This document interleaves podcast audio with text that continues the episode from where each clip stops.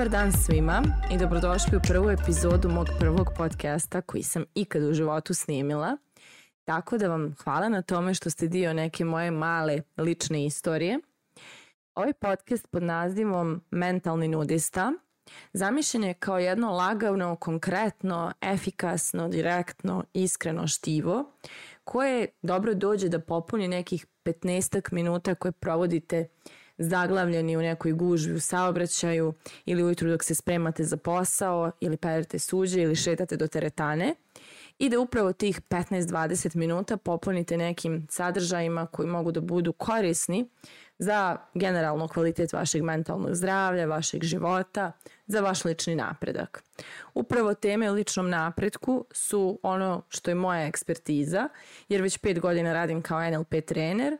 i svoju, svoje znanje o nesvisnom umu i o važnim životnim temama prenosim kroz treninge, edukacije, seminare, radionice, jedan na jedan coachinge, kao i kroz vide na YouTube-u i Instagramu.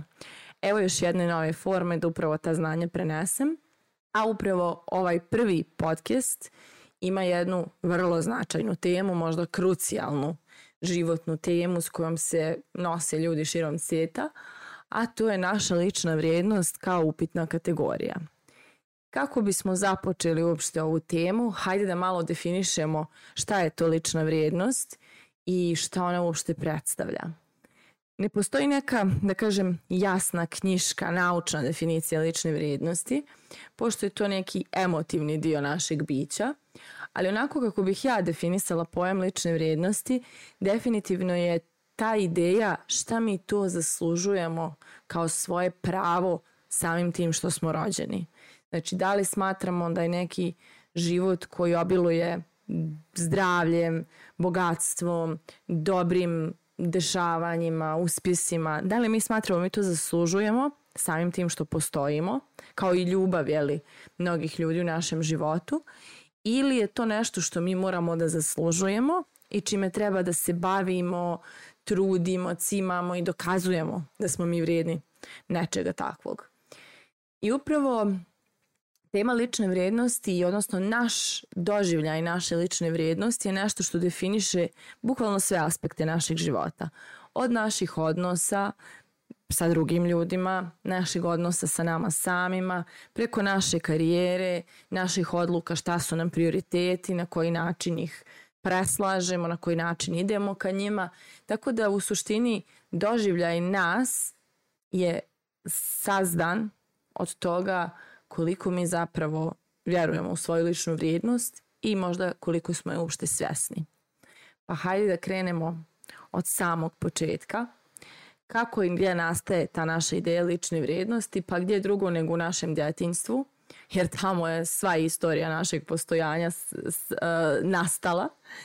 Tako da u suštini kada smo mali i kada primamo ljubav svojih autoriteta, svojih roditelja, baka, deka, braće, sestara, učiteljice, učitelja, nastavnika, nebitno, svih bitnih odraslih ljudi u našem životu, ta ljubav koju dobijamo zapravo postaje osnovna ideja naše lične vrijednosti i zapravo kroz to mi počinjemo da doživljavamo i svijet oko sebe, ali prije svega i sebe. E sad, kao neko ko sluša ovaj podcast na našem jeziku, mogu da pretpostavim da ste, ako ne rođeni na Balkanu, onda bar porijeklom sa Balkana i samim tim ideja lične vrijednosti koja se stiče sa balkanskim genom nije nešto što je zdrava definicija, da tako kažem. Zapravo, Rijetki su oni koji potiču sa Balkana, koji imaju neki zdrav doživljaj sebe i zdrav doživljaj svoje lične vrijednosti. Svemu tome je zaslužna istorija kroz koju je Balkan prolazi, odnosno konstantna neka borba za preživljavanje, raskoli mirenja, ratovi, e, siromaštva, selitbe i sve ostalo. Tako da dok se čovjek bavi temom preživljavanja, ne stiže da se bavi temom mentalnog zdravlja ili sticanja lične vrijednosti ili nekih tako važnih, krucijalnih životnih tema, jer preživljavanje je prioritet onda kada je ono tema. Tako da Mi ljudi sa Balkana imali smo, da kažem, rijetku priliku Uh, to jest rijetko ko od nas je imao priliku da odrasta u nekoj funkcionalnoj porodici koja ga je učila da samo njegovo postojanje je dovoljno da bude vrijedan i da je najvažnija osoba na svijetu i da prosto je time što postoji nešto najvažnije i najvrednije, nego sami naš sistema i okruženje su nas učili da mi moramo da zaslužimo i pohvale i, i ne znam, nagrade, a često i ljubav. Tako da, ako kao mali nismo uspeli da doživimo taj do, osjećaj da smo mi jako vrijedni zato što postojimo i da mi samim tim što živimo i što smo prisutni na ovoj planeti zaslužujemo sve najbolje, onda smo mi naučili da do tog osjećaja lične vrijednosti dolazimo, a kako drugo nego nekim akcijama i djelovanjima. I upravo to je neki mehanizam koji je najčešće zastupljen u našem okruženju bio, jel te? Kada dobijemo dobru ocjenu, onda smo dobri, kada uradimo nešto fino, onda smo pametni, zaslužujemo sladoled i tako dalje. Tako da u suštini neka vrsta zasluživanja dobrog stanja je nešto s čim smo naučeni da funkcionišemo. Kada se to prenese u svijet odraslih i kada mi izrastemo u odraslu osobu koja nije sigurna da li vrijedi, mi tu potrebu da se osjetimo vrijednima počnemo da zadovoljavamo na najčudnije i često ne baš konstruktivne načine. Pa to kreće kroz odnose u kojima se nalazimo i pokušavamo da se svidimo, da se dokažemo, da zaslužimo nečiju pažnju, ljubav. Zatim kroz posao, kroz jurenje titula, pozicija, većih plata, više novca, boljih auta i slično. Pa evo kad smo spomenuli auta, onda i kroz materijalna dobra koja uh,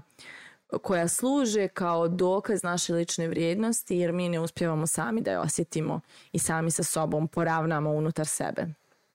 Tako da zapravo ta trka za osjećajem lične vrijednosti kreće od malena, pa onda se nastavlja i kada je prenesemo u ovaj svijet odraslih, postaje jedna vrlo mučna trka bez kraja koja sve vrijeme ide u pogrešnom smjeru.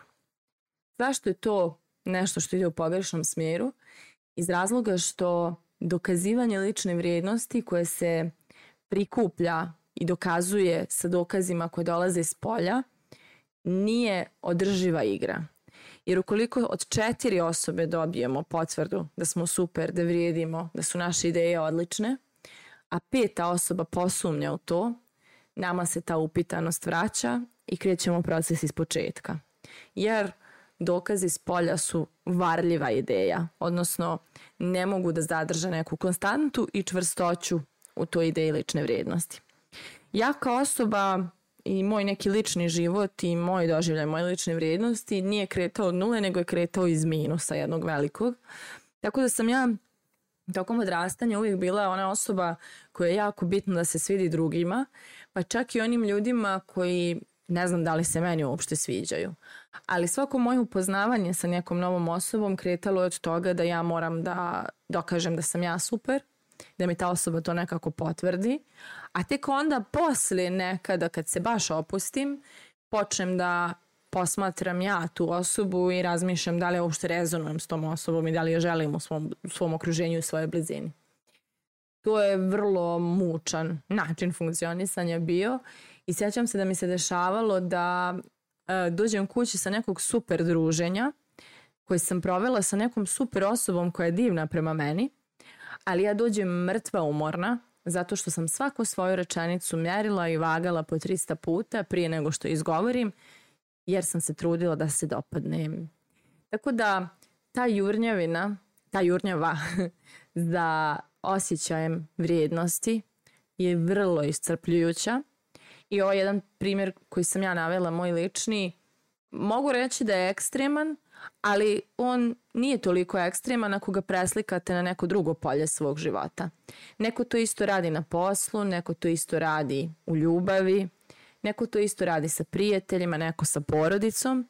ali dosta nas nosi u sebi te neke ekstremne potrebe da osjetimo, da vredimo i da nam to neko drugi ili nešto drugo potvrdi. Takođe u ljubavnim odnosima je ovo posebno škakljiva tema, a i toksična, jer mi u toj potrebi da se osjetimo vrijednima često se bukvalno satiremo, što bi rekli u Bosni, da se dopadnemo nekome ko se nama možda čak i ne sviđa. I svako odbijanje ili neuzvraćanje od strane neke osobe koja nam je seksualno privlačna ili emotivno privlačna, mi ili shvatamo lično. Dakle, umjesto da to doživimo kao prosto činjenicu da nismo dobar meč i da nismo jedno za drugo, mi to shvatamo kao znak da s nama nešto nije u redu i da mi ne vrijedimo dovoljno i da mi nismo dovoljno dobri i da prosto mi moramo nešto da rešavamo sa sobom jer za Boga nismo se dopali toj nekoj osobi koja često možda čak se ne bi ni dopala nama, ali ne stižemo time da se bavimo jer moramo da se pozabavimo time da mi budemo dopadljivi. Takođe u poslu često se borimo za taj osjećaj da vrijedimo, da smo dobri na nekoj poziciji, da zaslužujemo platu koju dobijamo ili titulu koju nosimo, bez da razmislimo da li taj posao zaista nas ispunjava i da li se mi nalazimo tu gdje smo mi zadovoljni, da li je to uopšte dobar meč sa našim nekim ličnim ciljevima. I ono što se zapravo dešava kada taj dokaz lične vrijednosti tražimo s polja, jeste da mi zapravo hodamo sa jednom rupom bez dna u svom biću, koju stalno pokušavamo da popunimo nekim dokazima s polja, ljudima, novcem, titulama, pozicijama, materijalnim dokazima svog uspjeha i svoje vrijednosti – Međutim, kao što rekoh, ta, je, ta rupa je bez dna i samim tim neće nikada biti popunjena. Jedini način i jedini put da sredimo to stanje, odnosno da zaista doživimo taj čvrsti osjećaj lične vrijednosti, jeste da počistimo malo neke svoje traume kroz razne neke metode, jeli,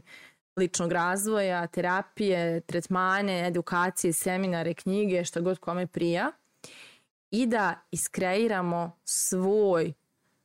osjećaj lične vrijednosti, odnosno mi postanemo garant toga koliko vrijedimo, koliko smo značajni, koliko smo, koliko su naše ideje super, koliko smo mi kvalitetni. I tek kada mi postanemo prvi i najveći garant svoje lične vrijednosti, tada možemo reći da je ta rupa nestala i pretvorila se u jedan izvor